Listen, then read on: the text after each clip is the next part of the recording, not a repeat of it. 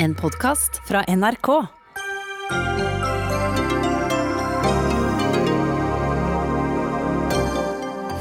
Hva slags undervisning skal elever som må holde seg hjemme pga. smittevern få fremover? Hvem har ansvaret? Arbeiderpartiet krever nasjonale retningslinjer og møter kunnskapsministeren til debatt. Smitteøkningen i Norge skremmer statsministeren. Norge åpnes ikke mer opp nå, sier hun. Arbeiderpartiet blør stadig velgere i nord. Nå er det Senterpartiet de vil ha. Og regjeringens løsning for politiet i distriktene, nemlig politibobilene, ja, de får det glatte lag av Senterpartiet. Det er en dårlig erstatning, sier de. Nå er nå Senterpartiet mot alt som er nytt, svarer regjeringen.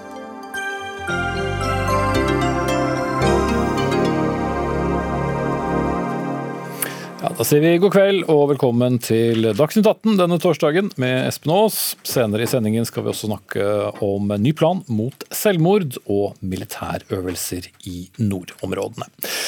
Men vi starter med debatten om hvilke plikter og rettigheter som gjelder når elever må være hjemme med skolen pga. f.eks. For forkjølelsessymptomer. Hva slags undervisning skal de da få, hva har de krav på, og hvem har ansvar? Arbeiderpartiet har rykket ut og sier at regjeringen er bakpå og burde hatt nasjonale retningslinjer for hjemmeundervisning klare nå. Og Torstein Tvedt Solberg, du er utdanningspolitisk talsperson for Arbeiderpartiet. Hvorfor trenger vi nasjonale retningslinjer? Jeg er jo egentlig ganske overraska over at regjeringen er så bakpå i denne saken. Nå er jo situasjonen ute i skolen ganske akutt og prekær.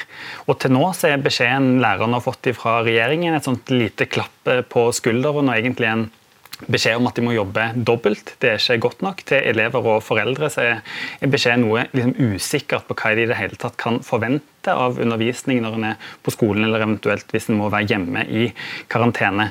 Så det jeg raskt nå krever av regjeringen, er at en legger penger på bordet med nok ressurser, og at en får på plass raskt en nasjonal plan med tydelige retningslinjer om hva elever og foreldre og lærere kan forvente. Hva skal de ressursene da brukes til? Ja, nå står jo eh, lærere i en umulig spagat, der de egentlig både må undervise i klasserommet og blir forventa at de òg skal undervise eh, digitalt. Dette, denne situasjonen bør jo ikke komme som noen overraskelse på regjeringen, dette har vi visst veldig lenge. Så jeg ønsker jo at en nå får på plass noen nasjonale retningslinjer som tydelig eh, sier hva en kan forvente av undervisning hvordan en bør undervise, hvordan en bør legge opp eh, hjemmeundervisningen, hva en kan forvente i forhold til opplæringsloven og rundt eh, spesialpedagogikk.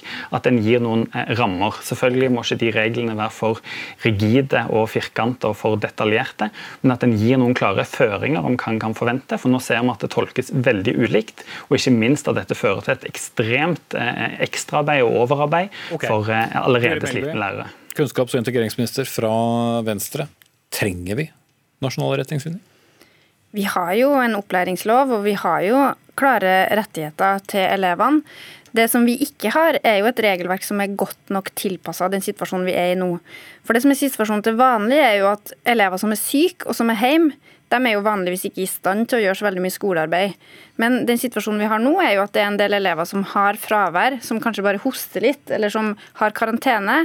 Og de er jo åpenbart i stand til å gjøre noe skolearbeid. Så det som er ikke klart nok, er jo hva de elevene kan forvente. Mm. Og vi har, vært, vi har vært ganske tydelige på at elever som har langvarig fravær, f.eks. de som er i karantene i hel uke eller lignende, de skal selvsagt ha rett på å få en oppfølging. Mens elever som er hjemme en to-tre dager pga. forkjølelsessymptomer, de kan ikke forvente noe. Men det her jobber vi med å gjøre enda klarere, og det vil komme en veiledning veldig snart. Men vi har en veiledning, ikke retningslinjer? Ja, altså Jeg er jo opptatt av at vi faktisk skal holde på den ansvarsfordelinga vi har i skolen. Jeg ønsker meg ikke en for sterk statlig detaljstyring, for jeg tror at vi mister mye av det gode skjønnet som faktisk utøves lokalt. Jeg tror vi skal huske på at selv om det er krevende situasjon, så greier man jo de fleste stedene å finne gode løsninger på det her. Og men Det er klart at det er vanskelig. Men jeg har også lyst til å utfordre Torstein Tvedt Solberg til å si at han må forholde seg til det regjeringa sier, og ikke det andre påstår at vi sier. Det er ingen i regjeringa som har sagt at lærere skal drive dobbeltarbeid. Så den myten må vi bare avlive her og nå. Lærere har sine arbeidsdager, og vi må forvente at de får til å løse de oppgavene de får innenfor arbeidsdagen. og Da er det skoleeier og skoleledelsens ansvar å sørge for at det her går i hop, sånn at alle elever får den opplæringa de har krav på. Det er skolens ansvar, Ikke lærerne. ikke læreren. Er det svaret godt nok, Solberg? Nei, jeg synes jo dette heldigvis er en slags delseier. Nå sier Guri Melby seg enig med meg om at vi trenger en plan og nasjonale retningslinjer. Det burde ha kommet mye før, men jeg er glad for at det nå er noe på vei, og jeg håper det kommer veldig raskt. Men det som jeg er litt overrasket over, er at ikke regjeringen selv ser sitt ansvar. Her skyver de skolene foran seg og sier de må, de må, de må liksom fikse dette selv. Merker de som vet best hva de trenger å gjøre, da? Nei, men Konsekvensen av det Guri Melby nå sier, betyr dobbeltarbeid for lærerne. Og Når en legger opp til eh, merarbeid, så krever det mer ressurser. og Da er det regjeringen sitt ansvar å legge mer ressurser på bordet.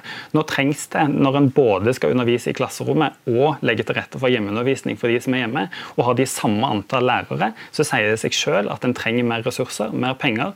Enten det er til overtidsbetaling, til flere vikarer eller opplegg for hjemmeundervisning. Okay, jeg synes det er litt overraskende når Guri Melby som selv er lærer, ikke ser dette?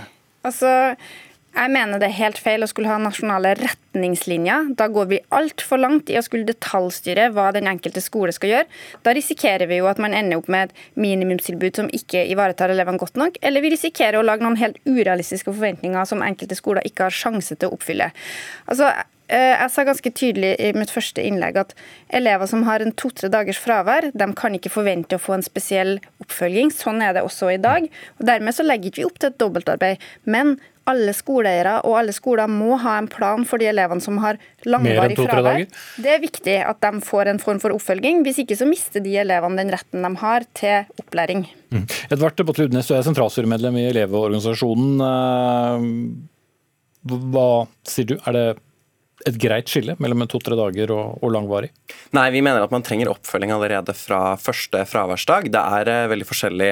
Uh, Men annerledes fra, fra hvordan det er med vanlig sykdom? også? Ja, definitivt. Og uh, dette er jo en situasjon som antageligvis kommer til å gjenta seg hvis elever merker små symptomer gjennom hele halvåret, eller fram til pandemien gir seg, så kan disse to-tre dagene ganske bygges opp til ganske stort. Vi mener det er veldig viktig med retningslinjer, men dette er retningslinjer som går på oppfølging, på medvirkning på undervisningen og som sikrer at vi får eh, den kvaliteten på opplæring vi har krav på. Men Da må du ha to parallellopplegg. Da må du ha et opplegg som er eh, alternativ undervisning hjemmefra for de som trenger det, og så den vanlige undervisningen. Så da krever jo masse ressurser, da. Definitivt, det gjør det. Og da trenger vi hjelp fra både eh, staten og fra fylkeskommunene og kommunene. Men det er veldig viktig at vi ikke kan gå inn for et dårligere eh, tilbud til de elevene som er borte. Spesielt ikke når vi ser at vi er i en situasjon hvor vi kommer til å oppleve mye fravær. Vi kommer til å oppleve at det er mange som holder seg hjemme. og Da kan ikke de få en dårligere kvalitet på opplæringen enn de som har et litt bedre immunforsvar. Mm. Vi tar inn deg og Rita Helgesen, eh, som er leder i Norsk Rektorlag. Hvordan opplever dere tolkningen av dette med, med fravær? Er det store forskjeller skolene imellom? Ja, vi ser det er store forskjeller mellom skolene, og det er veldig forskjellig hvilke forventninger eh, medlemmene i Norsk Lektorlag og andre som underviser, møter. Både fra elevene, fra foreldrene og fra skolens ledelse. Og eh, Torstein Tvedt Solberg har helt rett i at vi har behov for ressurser. Dette er en ekstraordinær situasjon. Og jeg er helt enig med deg, Edvard. Eh, det er sånn at elevene trenger best mulig undervisning, og denne situasjonen regner vi med kan bli langvarig. Og da må vi ha planer både for de elevene som er på skolen, og de, elevene, og de elevene som da skal ja, være hjemme. Det se ut? Hvordan skal det se ut? Skal du da kunne ha et opplegg tilnærmet det i hvert fall en del elever fikk eh, da før uh, sommeren, med, med digitale hjemmeundervisningstilbud, og et komplett eh, tilbud på skolen? Det er jo det som er forventningen her og nå. Og det gjør jo at våre medlemmer er helt utslitt. Og vi er veldig bekymret for at folk nå brenner seg ut og strekker strikken altfor langt. Fordi skoleeiere har ikke råd til å sette inn noe særlig ekstra krefter. Og heller ikke råd til å betale overtid. Og dermed så presses vi til å jobbe mye mer enn før. Det gjorde man under skolestengningen. De, eh, medlemsundersøkelsen vår viser jo at eh, våre medlemmer, halvparten av dem, jobbet mer enn syv timer ekstra i uken. Da var det bare hjemmeundervisning. Hvis du både skal drive hjemmeundervisning og skoleundervisning, så blir det dobbelt opp uansett. Men Er det realistisk eh, med et så omfattende opplegg, Melby? Så Det er ingen tvil om at veldig mange lærere og andre ansatte har jobba utrolig mye. De har strekt seg langt, og mange har tøyd strikken, kanskje til og med litt for langt. Mm, og Vi var veldig påpasselige i vår med å si at vi må huske på at det her ikke er en spurt. Det her kan fort bli en maraton. Det her er en situasjon som kan vare lenge. Og Derfor så jobber vi jo nå med å klargjøre disse forventningene, slik at det ikke blir så forskjellig fra skole til skole eller fra kommune til kommune hva man faktisk skal forvente. Vi skal være tydelige fra nasjonalt hold hva man forventer. Og vi vet jo at for de fleste elever som er borte to-tre dager, så går det helt fint. Mange kan jobbe med noen oppgaver uten en veldig sterk oppfølging. Andre får ikke så mye, men det, det, er ikke det som er det store alvoret her. Det som er alvoret, og sånn som når Edvard sier at det er noen elever som risikerer å få mange sånne fravær over lengre tid, dem må vi ha en plan for. Dem må vi ha en beredskap for. Det er det viktig at vi jobber med. Og de skolene som stenger, må vi også ha en god plan for. Eller den klassen som stenger. Og det er det vi nå jobber med å utforme. Men det her, altså det er lett å anklage regjeringa for å være sånn bakpå at det her burde vi hatt klart uh, for lenge siden. Men det her, ja, det her er jo en situasjon som forandrer seg omtrent fra dag til dag. Den situasjonen vi har nå med smitte, er nok litt annerledes enn det de fleste av oss så for oss før sommeren. Da jobber vi så godt vi kan med å tilpasse de veiledningene og det regelverket vi har, til situasjonen. Og Da hender det at det tar ei uke eller to før vi har det klart, men jeg vil heller samarbeide med Rita og hennes kollega, med Edvard og gjengen i Elevorganisasjonen om å lage en god veiledning, enn at vi skal skynde oss å ha det på plass med en gang. Og jeg vil heller også bruke tid Det er jo folk som faller ut da underveis. Vi er jo et stykke ut i denne terminen. Ja, det har gått tre uker av skole skoleåret. Jeg tror ingen av oss kan påstå at vi har en oversikt over hvordan denne høsten skal bli. Og det er heller ingen som har en god oversikt over kommuneøkonomien. Kommunene har allerede fått over 9 milliarder. De har fått egne potter til skole og barnehage. De kommer til å trenge mer. Det er det ingen tvil om. Det har også regjeringa sagt at det skal vi stille opp med. Men vi må få lov til å bruke tid på å finne ut hvor store disse utgiftene faktisk er. Mm. Men eh, for å prøve å være litt eh, konkret, eh, når det gjelder hva er realistisk, skal man ha penger til mer overtid fordi at man skal strekke strikken enda lenger, men få betalt for denne strikkstrekkingen? Eller skal det være flere lærere inn? Altså, hva er realistisk å se for seg? For det er vel ikke sånn at vi har en overflod av lærere å bare putte inn når det passer? Får vi klarere rammer og klarere forventninger fra nasjonalt hold, så vet vi for det første hva vi har å holde oss til. Og Vi kan ikke renonsere på kvaliteten. Vi har en fagfornyelse, vi har store ting på gang i norsk skole nå, og da må det penger på bordet. Ja, og så finnes det en reservestyrke der ute. Hver fjerde lærerutdannet jobber i helt andre yrker enn skolen. Vi trenger lærere i fremtiden.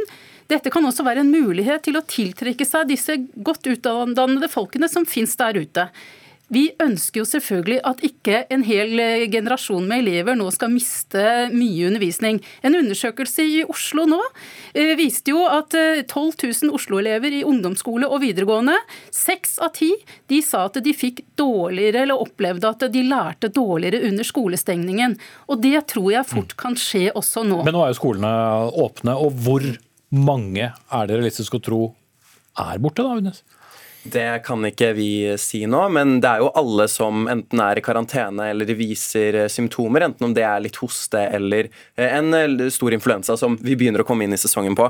Men det er viktig her at vi ikke bare snakker om å ha, legge flere penger på bordet eller lage ressurser for lærerne, noe som også er veldig viktig, men vi trenger retningslinjer som stiller krav til at vi får den oppfølgingen og den undervisningen vi eh, har krav på. Og det var veldig lett da skolene stengte ned, eh, og eh, se bort ifra elevmedvirkningen, se bort ifra elevrådet. Det er veldig viktig at vi får nasjonale retningslinjer som stiller krav til at skolene tar opp dette med elevene, tar opp dette med elevrådet, fordi vi har fortsatt krav på tilpasset opplæring, selv om den foregår hjemme. Må ta inn Solberg, som har sittet og, lyttet til dere. Er det først og fremst penger på bordet som, som løser alt? Altså, det vil selvfølgelig ikke løse alt, og jeg er jo glad for at det nå endelig kommer en veileder, selv om regjeringen har vært bakpå. Men jeg er veldig overraska over at regjeringen og Melby er så veldig opptatt av hva hun forventer av lærerne og skolene, men ikke gjør det jeg forventer at hun og regjeringen leverer på, som er ekstra ressurser. De har tidligere lovt at ekstrautgifter i forbindelse med korona skal kompenseres. Milliarder har rent ut til næringslivet, men ingenting direkte til skolene. De pengene kommunene til nå har fått, handler om tapte inntekter og ekstrautgifter med på helsetjenesten. Skolene har ikke fått de pengene de trenger. Nå ser vi kutt. og hvis eh, Melby fortsetter å gjemme seg bak sånne rare argumenter, så kommer det til å bli mye kutt, og det er jeg veldig bekymra for. Men så sa Melby at det skulle komme penger etter hvert som Ja, eh, behovene det melder kommer seg. til å komme mer, det er det ingen tvil om. Da kan dere ta med dere det tilbake. Eh, Takk skal dere ha, Guri Melby, eh, kunnskapsminister Torstein Tvedt Solberg, stortingsrepresentant fra Arbeiderpartiet, Edvard Botli Udnes, sentralstyremedlem i Elevorganisasjonen, og Rita Helgesen fra Lektorlaget.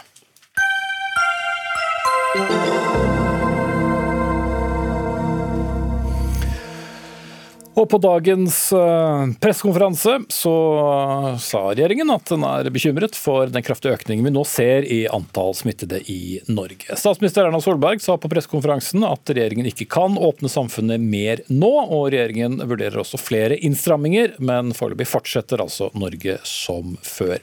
Men et helt nytt prosjekt skal eh, finne ut hva som ikke fungerer, og hvordan nye metoder, som f.eks. hurtigtesting, kan tas i bruk raskest mulig.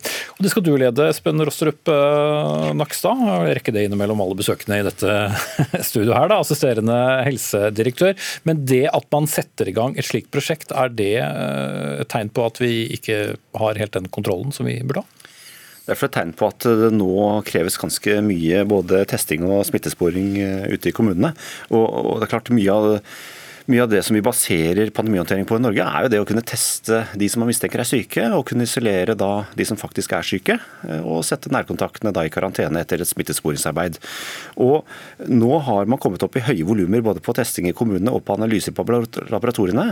Og hvis vi skal klare å holde det høye nivået nå utover høsten når vi nærmer oss influensasesong også, så er det viktig at vi eh, rydder alle flaskehalser unna og er sikre på at kapasiteten er god. Mm. Og Flaskehalsene har jo vært ventetid da, særlig. Eh, Og nå skal det kunne testes eh, hurtigere, men skal det da gjelde alle? Skal det være en prioritering? Eh, Hva ser du for deg? Altså, disse flaskehalsene de dreier seg om alt fra utstyr og reagenser til systemer og bemanning eh, og annen type kapasitet. Eh, Men det det er snakk om her, er å ha en kapasitet til å teste alle som vi ønsker å teste. Og da vil alle også få raskt svar. Eh, Og så er det også det å se på litt ny teknologi, og f.eks. dette med spyttprøver, som har vært snakket om lenge, men som nå testes ordentlig nå gjennom en pilot eh, mot slutten av denne måneden. Og også følge med på om det kommer etter hvert hurtigtester, altså hjemmetester rett og slett, hvor du eventuelt kan spytte oppi noe og få et svar raskt. Om det kommer. Eh, Om det, kommer- ja, det er på markedet allerede, men de må være gode nok. Eh, Og det er klart, og vi kan eventuelt fase inn flere av disse tingene for å styrke da testkapasiteten i Norge. og Det vil også gjøre at kommunene får mindre arbeid. Og sjefen din, Bjørn Gullvåg, han sa i dag at eh, flere av oss er skeptiske til å la seg teste. Ja, det, det har han helt rett i. Det er en bekymring om at man ikke tester seg når man bør. Og, og den kan ledsages av eh, altså For det første er det hvis det er ventetid og praktiske problemer, kan det være en grunn til at folk ikke gjør det, selvsagt. Men det kan også være at man kvier seg litt og kanskje ikke tror at det er nødvendig at man tester seg. Så, så vi, er, vi har brukt ganske mye av tiden inn mot sommeren til å senke terskelen for å teste seg, sånn at folk faktisk gjør det. Og nå er utfordringen utover høsten å ha kapasitet nok til å holde det trøkket oppe og teste mange. Så begge deler er viktig. Og Tester man seg og viser at man har viruset, skal man jo da være i karantene. Men Camilla Camille Stoltenberg, direktør ved Folkehelseinstituttet, eh, en undersøkelse dere har gjort viser at seks av ti bryter karantenereglene. og ja, De voksnere er eh, de som er eh, verst. Var det som forventet? Det som var som forventet, er at det er en del som ikke etterlever karantenereglene slik de er formulert. Eh, At det skulle være så mange er kanskje overraskende. Det som ikke er så overraskende, er at det går nedover. Eh, Det begynte på et høyere nivå i april og har gått nedover de månedene disse personene er fulgt. Men så må vi ta et forbehold om den studien, fordi eh, det er bare 7% av alle de som ble invitert, som har svart.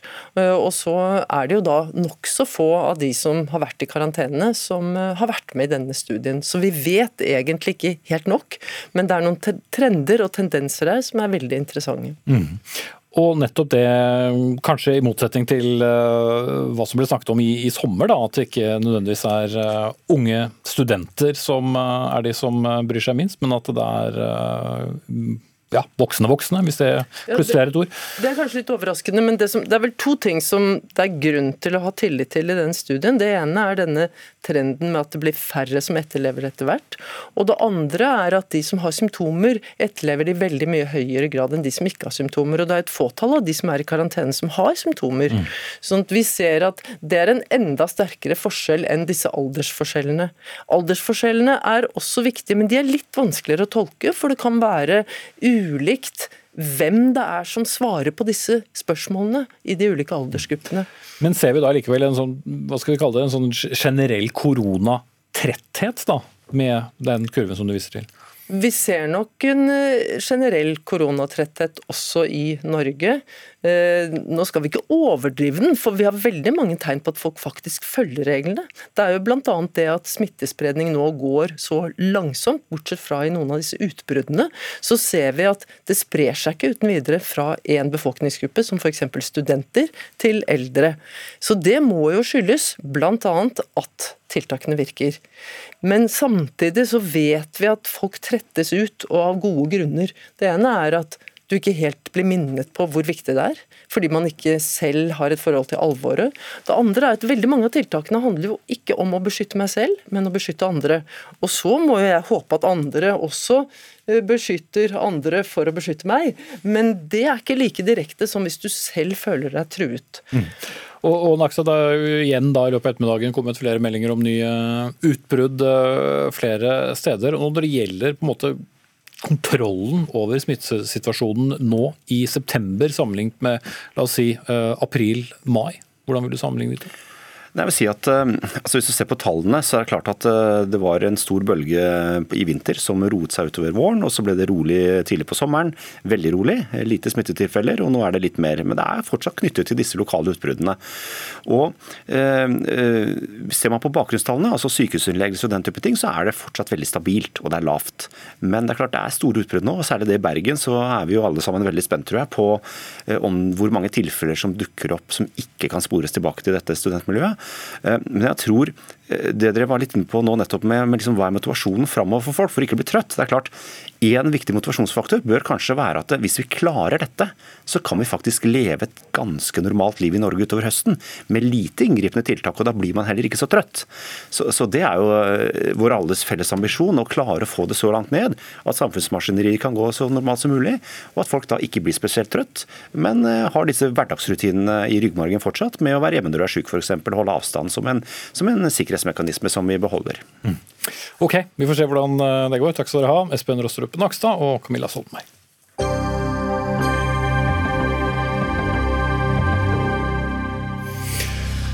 Senere i sendingen så stiller vi spørsmålet er mobile politistasjoner i form av uh, politimobiler, eller bobiler snarere, er løsningen for den tidvis utskjelte nærpolitireformen. Senterpartiet fnyser ganske godt av det iallfall, og møter i siste departementet til debatt mot slutten av sendingen. Men nå skal vi til et uh, alvorlig og la meg også si tilbakevendende tema i dette studio.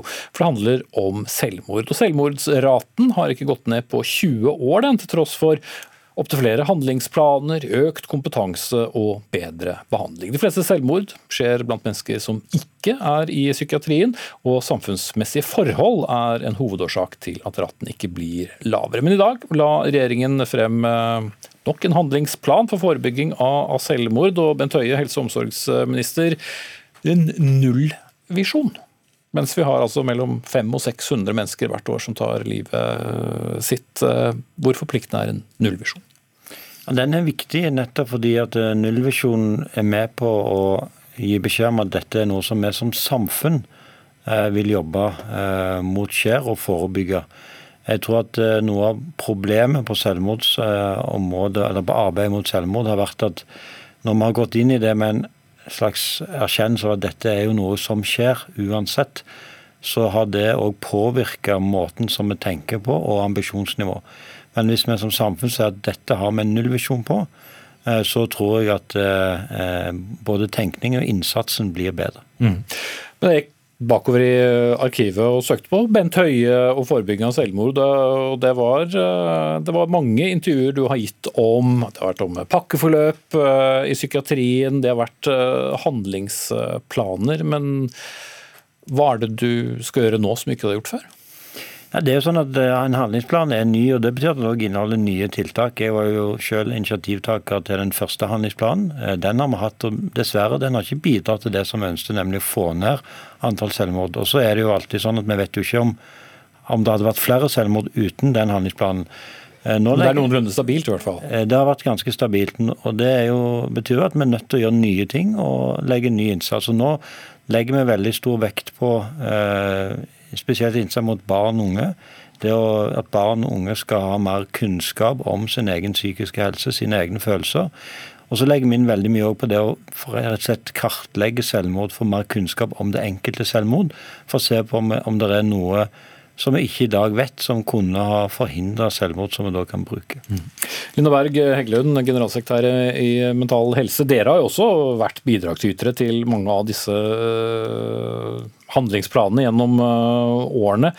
Men øh, tror du at en nullvisjon og disse for all del mange tiltakene som nå ligger i denne, gjør en endring, og i så fall hvorfor?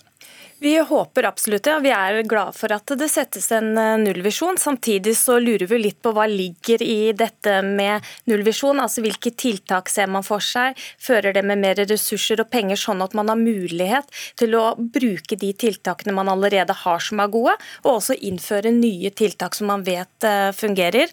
Og så er vi i Mental Helse veldig opptatt av at nullvisjon ikke må bety at vi får mer tvang. Eh, nå har vi jo jobba over mange år med fokus på å få ned tvangen i psykiatrien. Og det må ikke gå på bekostning av det arbeidet som er eh, gjort der. Men jeg tenker det å sette en nullvisjon, det betyr jo også at man sier noe om at man er villig til å, å bruke mye ressurser og politisk fokus for å oppnå denne nullvisjonen. Eh, og da tenker jeg at det med forebygging og lavterskeltilbud er kjempeviktig. Ofte så er det sånn at eh, det akutte selvmordet eller når man står i en akutt fase, får veldig mye oppmerksomhet. Men jeg tror at vi må tenke nytt ved at man kommer inn mye mye tidligere, sånn at man har mulighet til å forhindre Men det har da vært øh, selvmordsforebygging i, i, i, alle år, og det har blitt sett på som et problem, og man har sett på overvekten av menn, øh, og vi kjenner alle disse tallene, men likevel så er det stabilt, som jeg sier? Ja, dessverre så, så, er det det. Så jeg tror, eller støtter eh, regjeringen også på det at man ønsker å gå inn og se på de forskjellige eh, selvmordene. Altså hva er historiene som ligger bak. Og jeg tror det er en fin måte å rette tjenesten sånn at det passer til de som sliter. Samtidig så er det også viktig å huske det at eh, hver person har sin egen opplevelse og sin egen, har sin egen historie og tragedie som ligger bak, sånn at man må også passe på at man ikke generaliserer for mye mye ut fra de funnene man eventuelt eh, får. Men ja til at man forsker og finner ut hva som virker, sånn at vi bruker tid og ressurser på det. Mm. For det er vel ikke noe samfunn som eh, har klart å innføre null selvmord? Nei, Jeg er ikke kjent med noe samfunn som har klart å nå det målet. Det er flere andre som har innført en nullvisjon og jobber systematisk ut ifra det. Og så er det jo Sånn at Det som vi ser på er jo at eh, det er viktig, altså det er på en måte to hovedstolper i denne handlingsplanen. Det ene er å løfte psykisk helse og behandlingstilbud, lavterskeltilbud, som også Mental Helse er inne på her. Og så er det nettopp det folkehelseperspektivet at det, det å skape god psykisk helse i hele befolkningen Eh, og ikke nødvendigvis bare i en risikogruppe eller mot målretta, men rett og slett hvordan løfter vi hele befolkningen sin psykiske helse, vil være veldig viktig her. og Det er òg noe av det som nullvisjonen skal bidra med. og Det, og det er òg litt sånn overgangen fra et veldig sånn individtenkning, som kanskje har vært prega tidligere, til mer å tenke at dette handler om samfunnet. Når, når jeg var liten, så var det over 100 barn hvert år som ble drept i trafikken. Nå er det ingen i fjor. Eh, og Samferdselssektoren innførte jo en nullvisjon. og Det gjorde jo også at jeg tror når jeg var liten, så lærte vi at vi skulle se til høyre og venstre før vi gikk over veien. Så når han innførte nullvisjonen, så begynte en mer å tenke på hva er det med veien som skaper farlige situasjoner. Hva er det med hekkene, hva er det med bilene, hva er det med fartsgrensene. Og, og det er vel kanskje... Det er litt av det som er tenkningen her også, at Fra å bare tenke på at vi må nå den enkelte ideen de står i fare for å ta selvmord med god helsehjelp, hvordan skaper vi et samfunn der vi alle sammen får en bedre psykisk helse. Mm. Og nettopp det med, si, med, med samferdsel, men det er jo noe av kanskje det mest sånn fysisk konkrete i denne planen. Sikring f.eks. broer, jernbanelinjer uh, osv. Men det er jo veldig direkte tiltak. Uh, Man tenker jo umiddelbart at dette kan jo bare flytte problemet ja, jeg tenker jo at uh, man vil unngå de akutte selvmordene eh, der og da, men samtidig så får man jo ikke gjort med noe med det bakenforliggende. Altså Problemet er jo fortsatt der det er mennesker som befinner seg i vanskelige livssituasjoner og opplever livet som så mørkt at de ønsker å avslutte det. Og det er hvordan kan vi fange disse og gi de den hjelpen uh, de trenger, før de kommer dit. Mm. For de fleste er jo ikke, som jeg sa innledningsvis, en del av psykiatrien i dag? Nei, det er det ikke. Og særlig menn. Da, som, eh, det er ca. ni menn i uka som uh, tar selvmord. Og hovedvekten av de er ukjent for hjelpeapparatet. Og da tenker jeg også at det sier noe om at det ikke alltid er så lett å se på folk at de sliter. og Man kan stille spørsmål og, og slike ting, men det er vanskelig å vite hvordan mennesker har det. Og ved å drive, ha forebyggende tiltak og tilby lavterskel, så vil man kunne nå flere. Og det er jo en av hovedgrunnene for at mental helse har vært så opptatt av å få inn YAM i skolen, som står for Youth Aware of Mental Health, eh, det er jo det at man tilbyr det til hele klassen.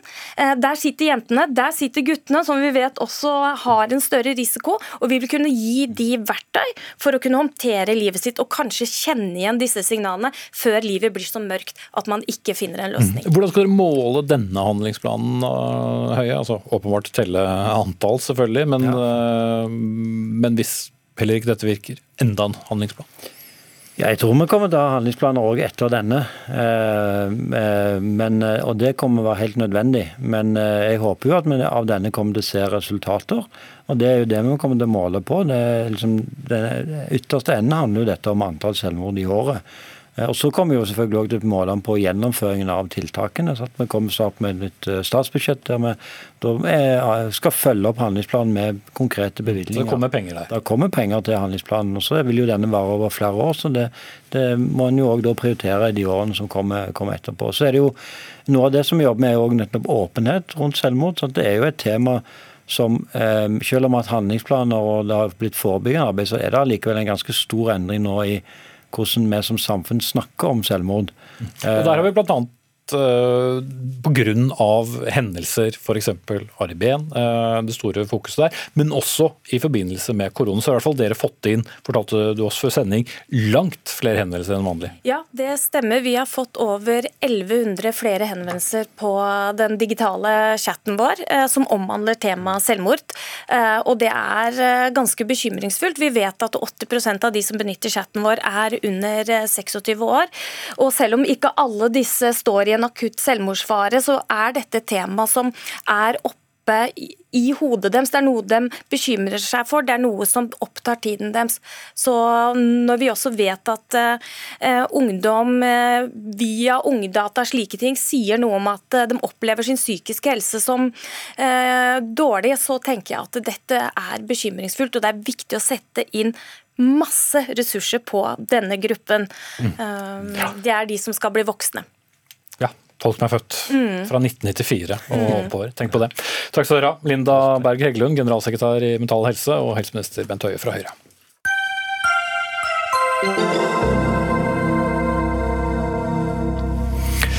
Så skal vi snakke om uh, politikk for uh, Arbeiderpartiet, som vi jo titt ofte snakker om i denne sendingen. De sliter i Nord-Norge fortsatt, kan vi vel si. Alle husker 2017-valget.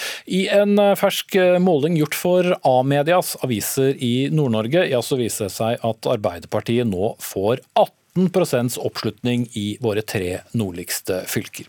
Samtidig ser vi også at Senterpartiet har etablert seg som et jevnstort parti i de samme fylkene. I Nordland har de sågar gått forbi Arbeiderpartiet. Og Politisk redaktør i Nordlys, Skjalg Fjellheim, dere har eh, publisert denne målingen eh, i dag. og Vi ser da et bilde av en landsdel som på den ene siden ikke har noen tiltro til den sittende regjeringen, men de har heller ikke all verdens tiltro til det som tradisjonelt sett har vært sett på som eh, alternativet. Så hva slags landskap skal vi egentlig se her? Ja, Vi ser jo som du sier et, politisk landskap der det er lav tillit til den sittende regjeringa i Nord-Norge. De tre regjeringspartiene har bare en oppslutning på 22% i landsdelen. Men vi ser jo også et Arbeiderparti som sliter veldig tungt i sjuende året på opposisjon uten å klare å løfte seg. Og det som jo skjer er at Arbeiderpartiet har ikke klart å svare ut sentrum-periferidimensjonen i, i, i, norsk politikk, og, og spenningene mellom Nord-Norge og, og, og, sentralmakten i Oslo. Da. Og det er jo klart det er dramatisk for Arbeiderpartiet. Denne målinga vår viser jo at oppslutninga til partiet er halvert på ti år i fylker som Nordland og Finnmark. Og det tror jeg er et så stort og dramatisk fall at jeg ikke vet om man har sett maken til i norsk politikk tidligere. Mm. Men er det da også en befolkning i Nord-Norge som rett og slett er eh, litt på leting? Altså De minste partiene er jo sånn sett utradert på denne målingen. MDG er under sperregrensen, Venstre er under sperregrensen, KrF er under sperregrensen. SV gjør det godt. Rødt er jo da største av de, de minste partiene.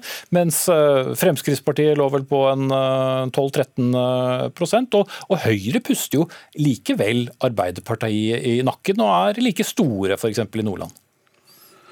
Ja, da, altså Høyre gjør det faktisk overraskende godt i, i Nord-Norge. og Det tror jeg skyldes at, at uh, altså den nasjonale koronaeffekten også gjør seg gjeldende i den nordlige landsdelen. Nei, altså Nord-Norge er jo prega av et næringsliv som har blitt stadig mer lønnsomt de siste årene.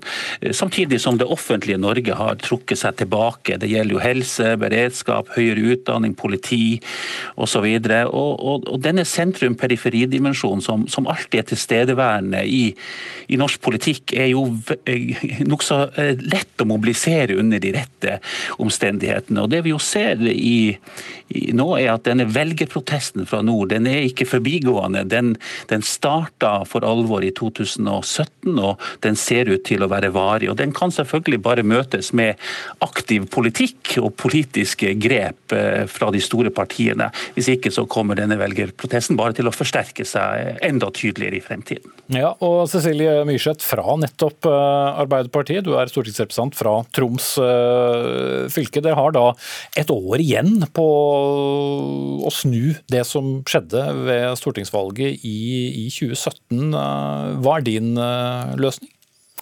Nei, selvfølgelig De tallene som er, er jo ikke vi fornøyd med, men det er jo ikke, er jo ikke veldig overraskende. Det er, jo, det er, jo, tendenser som vi har sett eh, over tid. Og så vil jeg også minne om at Arbeiderpartiet har jo ikke hatt noen veldig enkle og rolige uker de siste, siste ukene. Eh, så jeg tror det også eh, spiller, spiller, en rolle. Så det er selvfølgelig dramatisk tall for, for oss.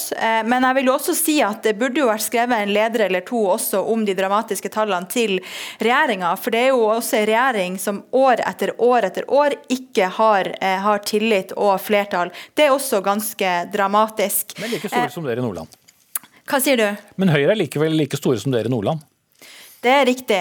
Men, men uansett, regjeringa som helhet har ikke tillit eh, i Nord-Norge. Men Arbeiderpartiet vi kan eh, kun fokusere på oss sjøl, og det gjør vi også. Og Derfor var jeg veldig eh, stolt når vi for eh, bare et par uker siden la fram ny nordområdepolitikk, som er veldig eh, viktig for Nord-Norge. Den var konkret, den var tydelig på hvordan vi skal skape arbeidsplasser og bygge denne landsdelen. Og det er vel ingen andre partier som har lagt fram så ambisiøse planer. og jeg, vil, jeg tror vel at også Fjellheim da kalte dette for en ny start, og så vet vi jo hvordan de siste ukene har vært. Mm. Og så gleder jeg meg veldig til i løpet av uken som kommer å legge fram ny politikk og de løsningene og de tingene som vi skal presentere for velgerne, som er det vi faktisk skal gå til valg på. Mm. Men Charles Fjellheim, eh, velgerne i eh, nord har jo ikke vært så begeistret da for eh, Arbeiderpartiet og hatt så stor tro på dem over ganske lang tid. De vil vel kreve ganske mye nye tanker. Ja, altså, det, det, som jo har, har prega velgerne i Nord-Norge, og spesielt Arbeiderparti-velgerne, som har jo, partiet har vært stått veldig sterkt i Nord-Norge, det er jo at de har vært eh, opptatt av økonomisk interessepolitikk.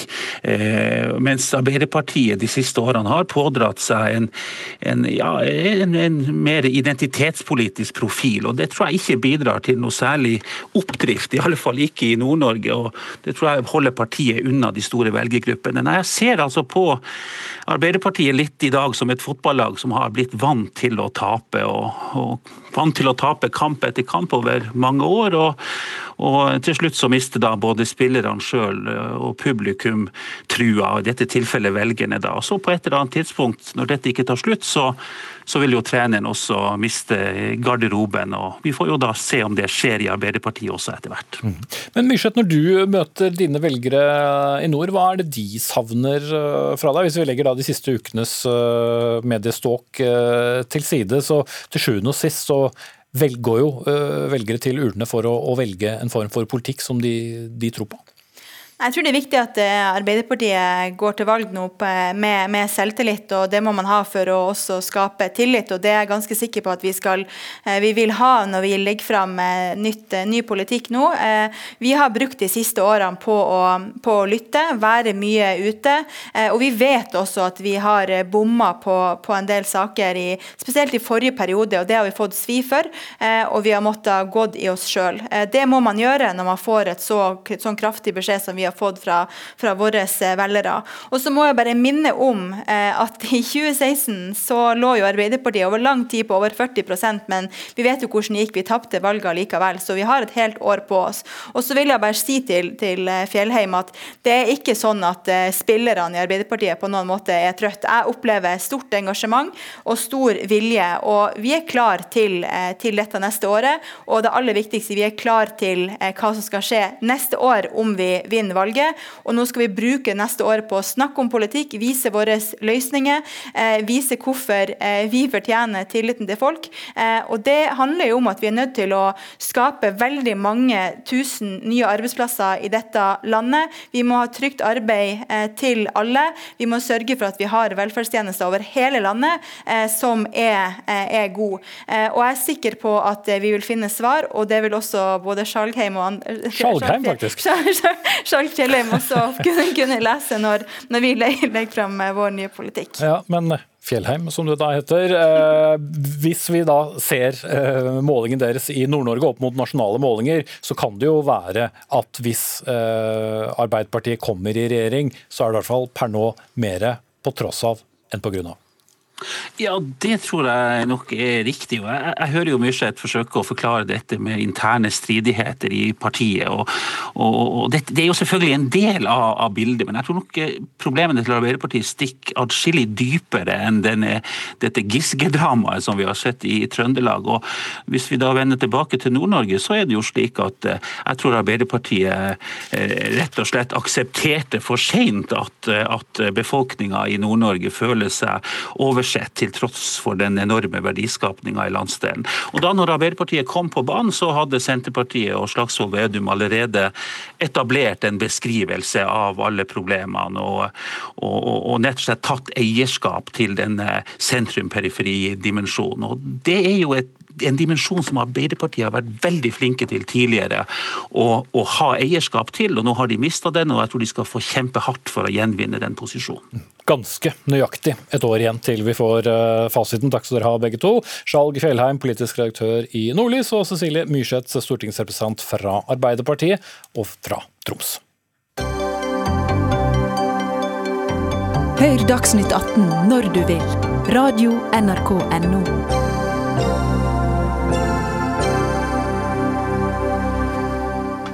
Rent uh, geografisk skal vi holde oss uh, i nord, vi. For det har vært uh, hektisk militær aktivitet i nordområdene og Norges nærområder den siste tiden. Og i et intervju med Forsvarets forum sier du, Julie Wilhelmsen, forsker ved Norsk utenrikspolitisk institutt, at sitat, i Russland blir Norge på mange måter sett på som USAs forlengede arm.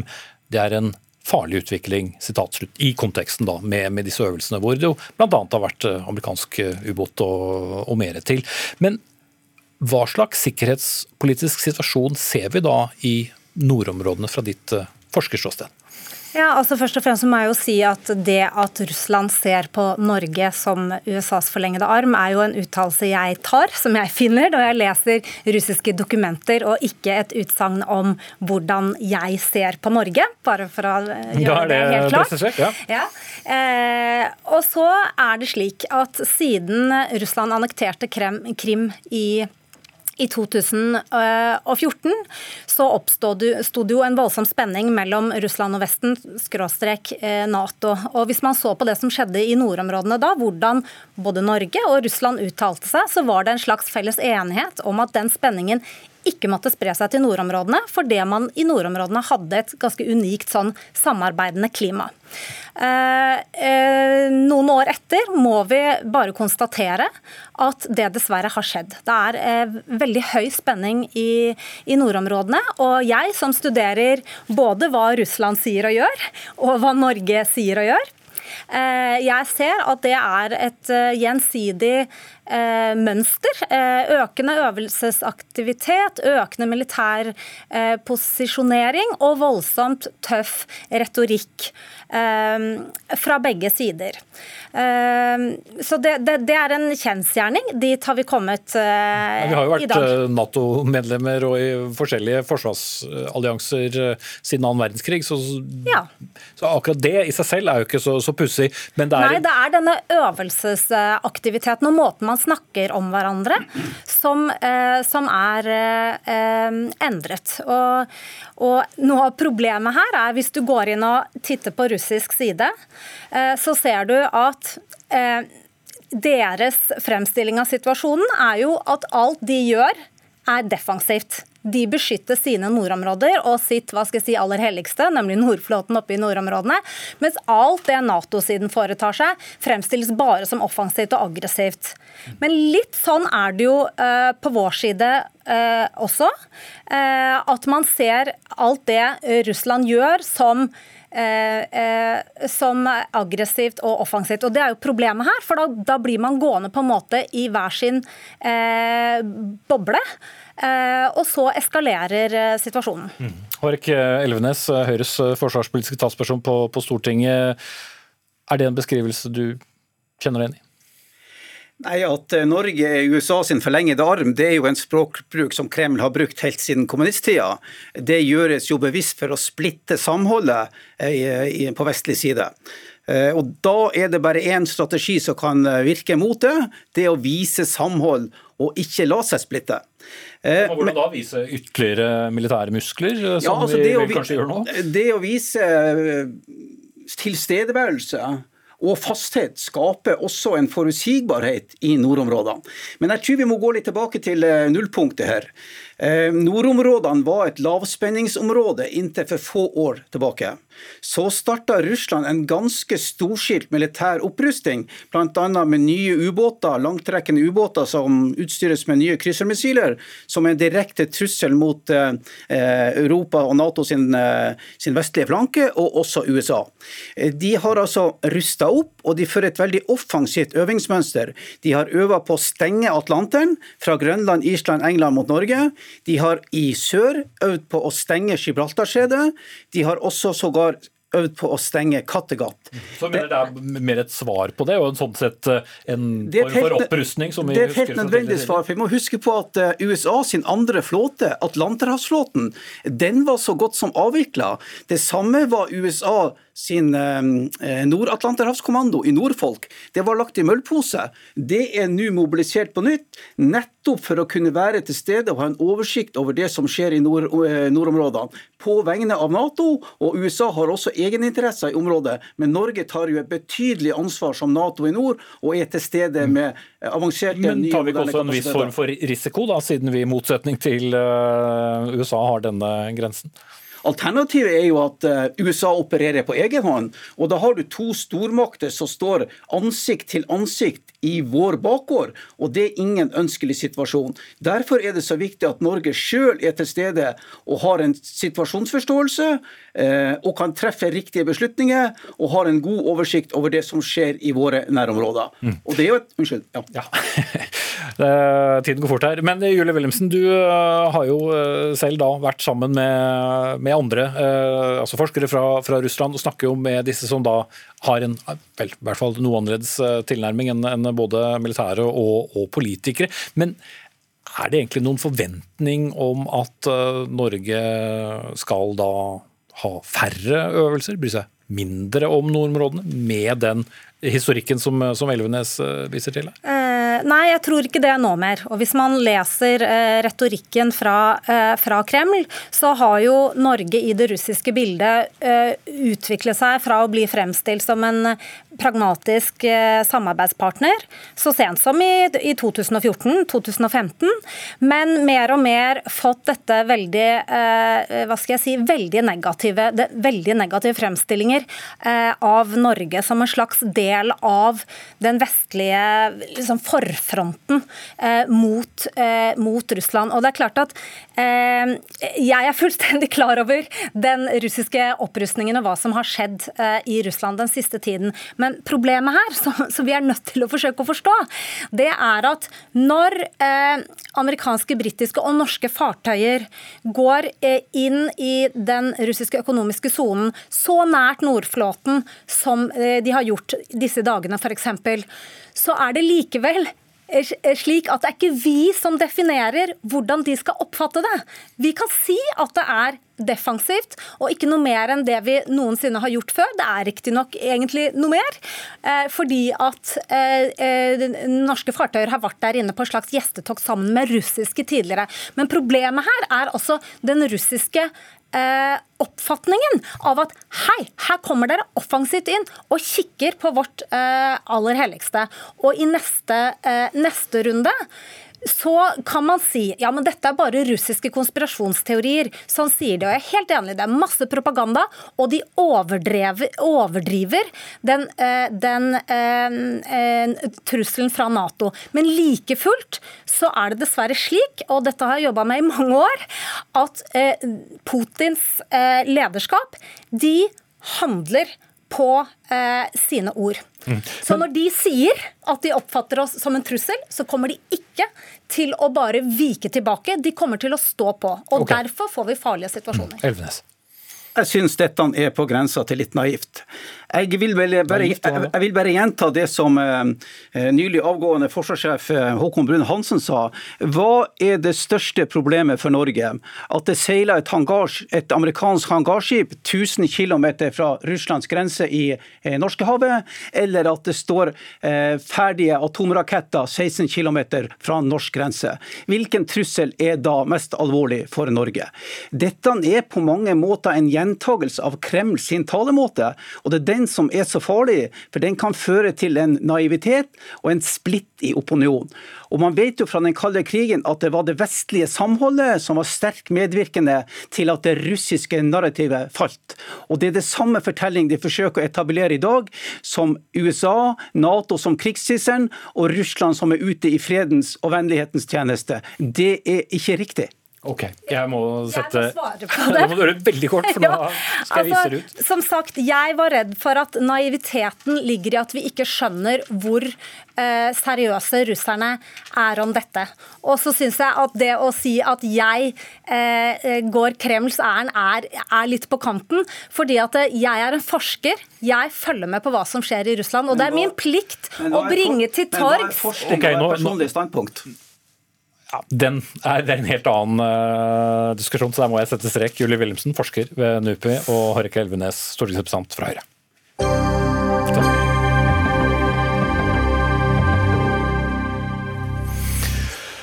Kanskje har du sett dem eh, rundt om i landet. Politiets eh, nye mobile politiposter i form av uniformerte bobiler. Nå vil regjeringen vurdere bruk av eh, flere slike som del av politiarbeidet. Men dere i Senterpartiet, Emilie Engemel, justispolitisk talsperson, er veldig kritiske til denne bruken av mobile politienheter. Men jeg trodde dere ville ha politiet ute, folk? Ja, men nå har jo regjeringa lagt ned over 120 politistasjoner og sentralisert partiet voldsomt. Eh, ikke partiet, men politiet. Og det er jo over hele Norge får vi signaler om at det ikke er politifolk ute der folk bor. Og så skal liksom løsninga være at man eh, skal sende politiet rundt i campingvogner, istedenfor at man har politi til stede permanent. Og det som er viktig med politiet, er at de kan være en del av eh, lokalsamfunn. De kan forebygge og følge med på hva som skjer der til vanlig. Og hvis de bare kommer rundt i en bobil, eller kommer kjørende når noe først har skjedd, da får vi et politi som som blir veldig fjernt fra folk, og som blir veldig reaktivt. og Det syns Senterpartiet er veldig uheldig. Vi vil heller ha folk, politifolk permanent ute blant folk. Men egentlig så vil du ha fjernet hele nærpolitireformen? Selvfølgelig ville vi aldri at nærpolitireformen skulle blitt innført. Vi stemte jo imot den fordi det var en eh, massiv sentralisering av politiet, frykta vi, og det er akkurat det som har skjedd.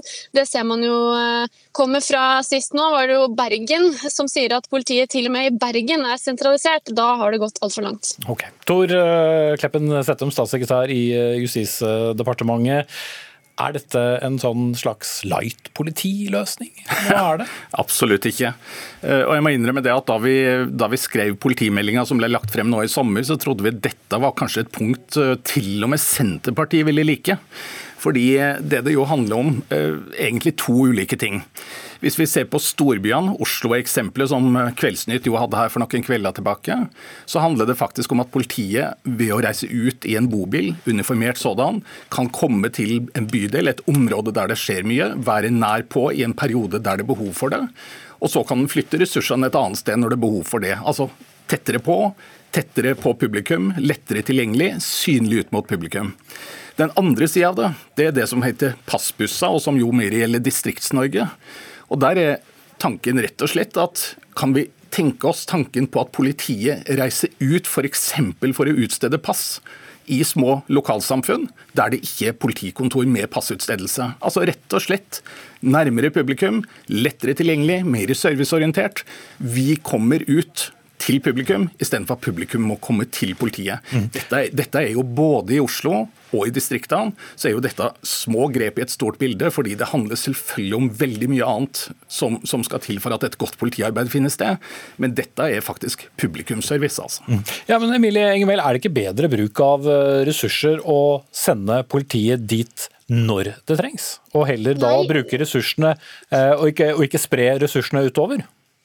Nei, det er helt feil tenkning. Det vil bli veldig dyrt for oss hvis ikke vi har et politi som klarer å være ute i hverdagen til folk, forebygge kriminalitet og følge med på det som skjer. Og jeg synes Det er eh, egentlig helt utrolig provoserende at nå har eh, regjeringa gått inn for å legge ned politiet i store deler av Distrikts-Norge, og så kommer de og sier ja, nå skal det være noen politifolk som sitter i de store byene, og så av og til så kan de ta seg en rundreise i Distrikts-Norge. Det som Settem og Høyre misforstår, det er jo at folk ute i Distrikts-Norge Distrikts-Norge, eller i bydelene i Oslo for den saks skyld, de trenger politi hele tida. De trenger politi ikke, selv om ikke det har blitt begått et innbrudd, eller selv om ingen har blitt drept, så trenger de et politi som er der, som snakker med ungdommene, som vet hvem som bor og rører, hva som rører seg i lokalsamfunnet. Og Det er det som er den store mangelen med nærpolitireformen. At man har fjerna det hverdagspolitiet som ser folk i samfunnet, som klarer å avdekke saker og som klarer å forebygge at kriminalitet skjer. Og Det å liksom skulle erstatte det med bobiler eh, som skal kjøre rundt, eller passbusser som kan komme liksom innimellom når det passer for de passbussene, det er veldig dumt. Istedenfor at folk kan stikke innom politiet eller se politiet når det passer for folk. Fordi at politiet er der de bor. Det gode politiarbeidet det skjer i det daglige gjennom 18 000 ansatte i norsk politi som jobber ute i politidistriktene, utfører tjenester for å ta digital kriminalitet, for å ta etterforskningsskritt, for å kjøre påtale for retten. Det er det omfattende og grundige politiarbeidet. Men tryggheten Dette, av å føle at du har et politi som er til stede? Politiet har jo blitt styrka, det er mer til stede. Det utfører i dag et bedre arbeid enn tidligere. Det er ikke bare mine ord, det er forskningens ord. Og jeg vet jo at Senterpartiet er veldig imot mot alt som lukta nye måter å tenke på. Men når Oslo-politiet melder tilbake våre bobiler har hatt en positiv effekt, dette har vært en god måte å jobbe på, jeg skjønner ikke at det er noe å være imot. Er polititettheten i Oslo en ganske annen enn sammenlignet med mange ja, andre steder i landet? Det, det, er Oslo og de store byene som kan tenke på den måten.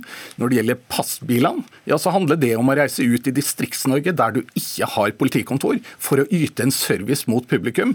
Jeg syns nesten helt utrolig at til og med det å styrke tilbudet på passutstedelse ut i Distrikts-Norge kan fremstilles som noe negativt fra Senterpartiet. Altså Det er sånn en autopilot på å være imot ethvert skritt på å gjøre noe på en ny måte.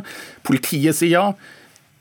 Tillitsvalgte har sagt ja. Jeg skjønner virkelig ikke at det går an å være imot. Men dere vet eh, også bedre enn politiet selv, Enger Ja, Det er ikke helt riktig at all forskning sier at politiet har blitt nærmere. Det er jo helt motsatt. For så sier jo 80% av politifolk at nærpolitiet har eh, At de mener at det ikke har ført til et eh, nærmere politi. Og det vet vet Settem like godt som meg, at mye av forskninga tyder på at politireformen har sentralisert politiet. Og Det er det som er provoserende her. Det er ikke at jeg er mot bobiler eller campingvogner i seg sjøl. Det er det at man først legger ned politistasjoner og passkontor over hele Norge.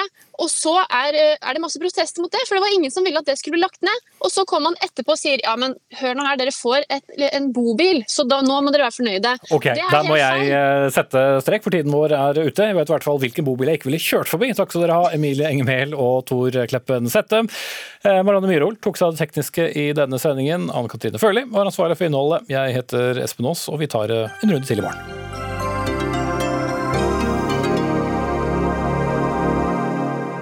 Du har hørt en podkast fra NRK. Hør flere podkaster og din NRK-kanal i appen NRK Radio.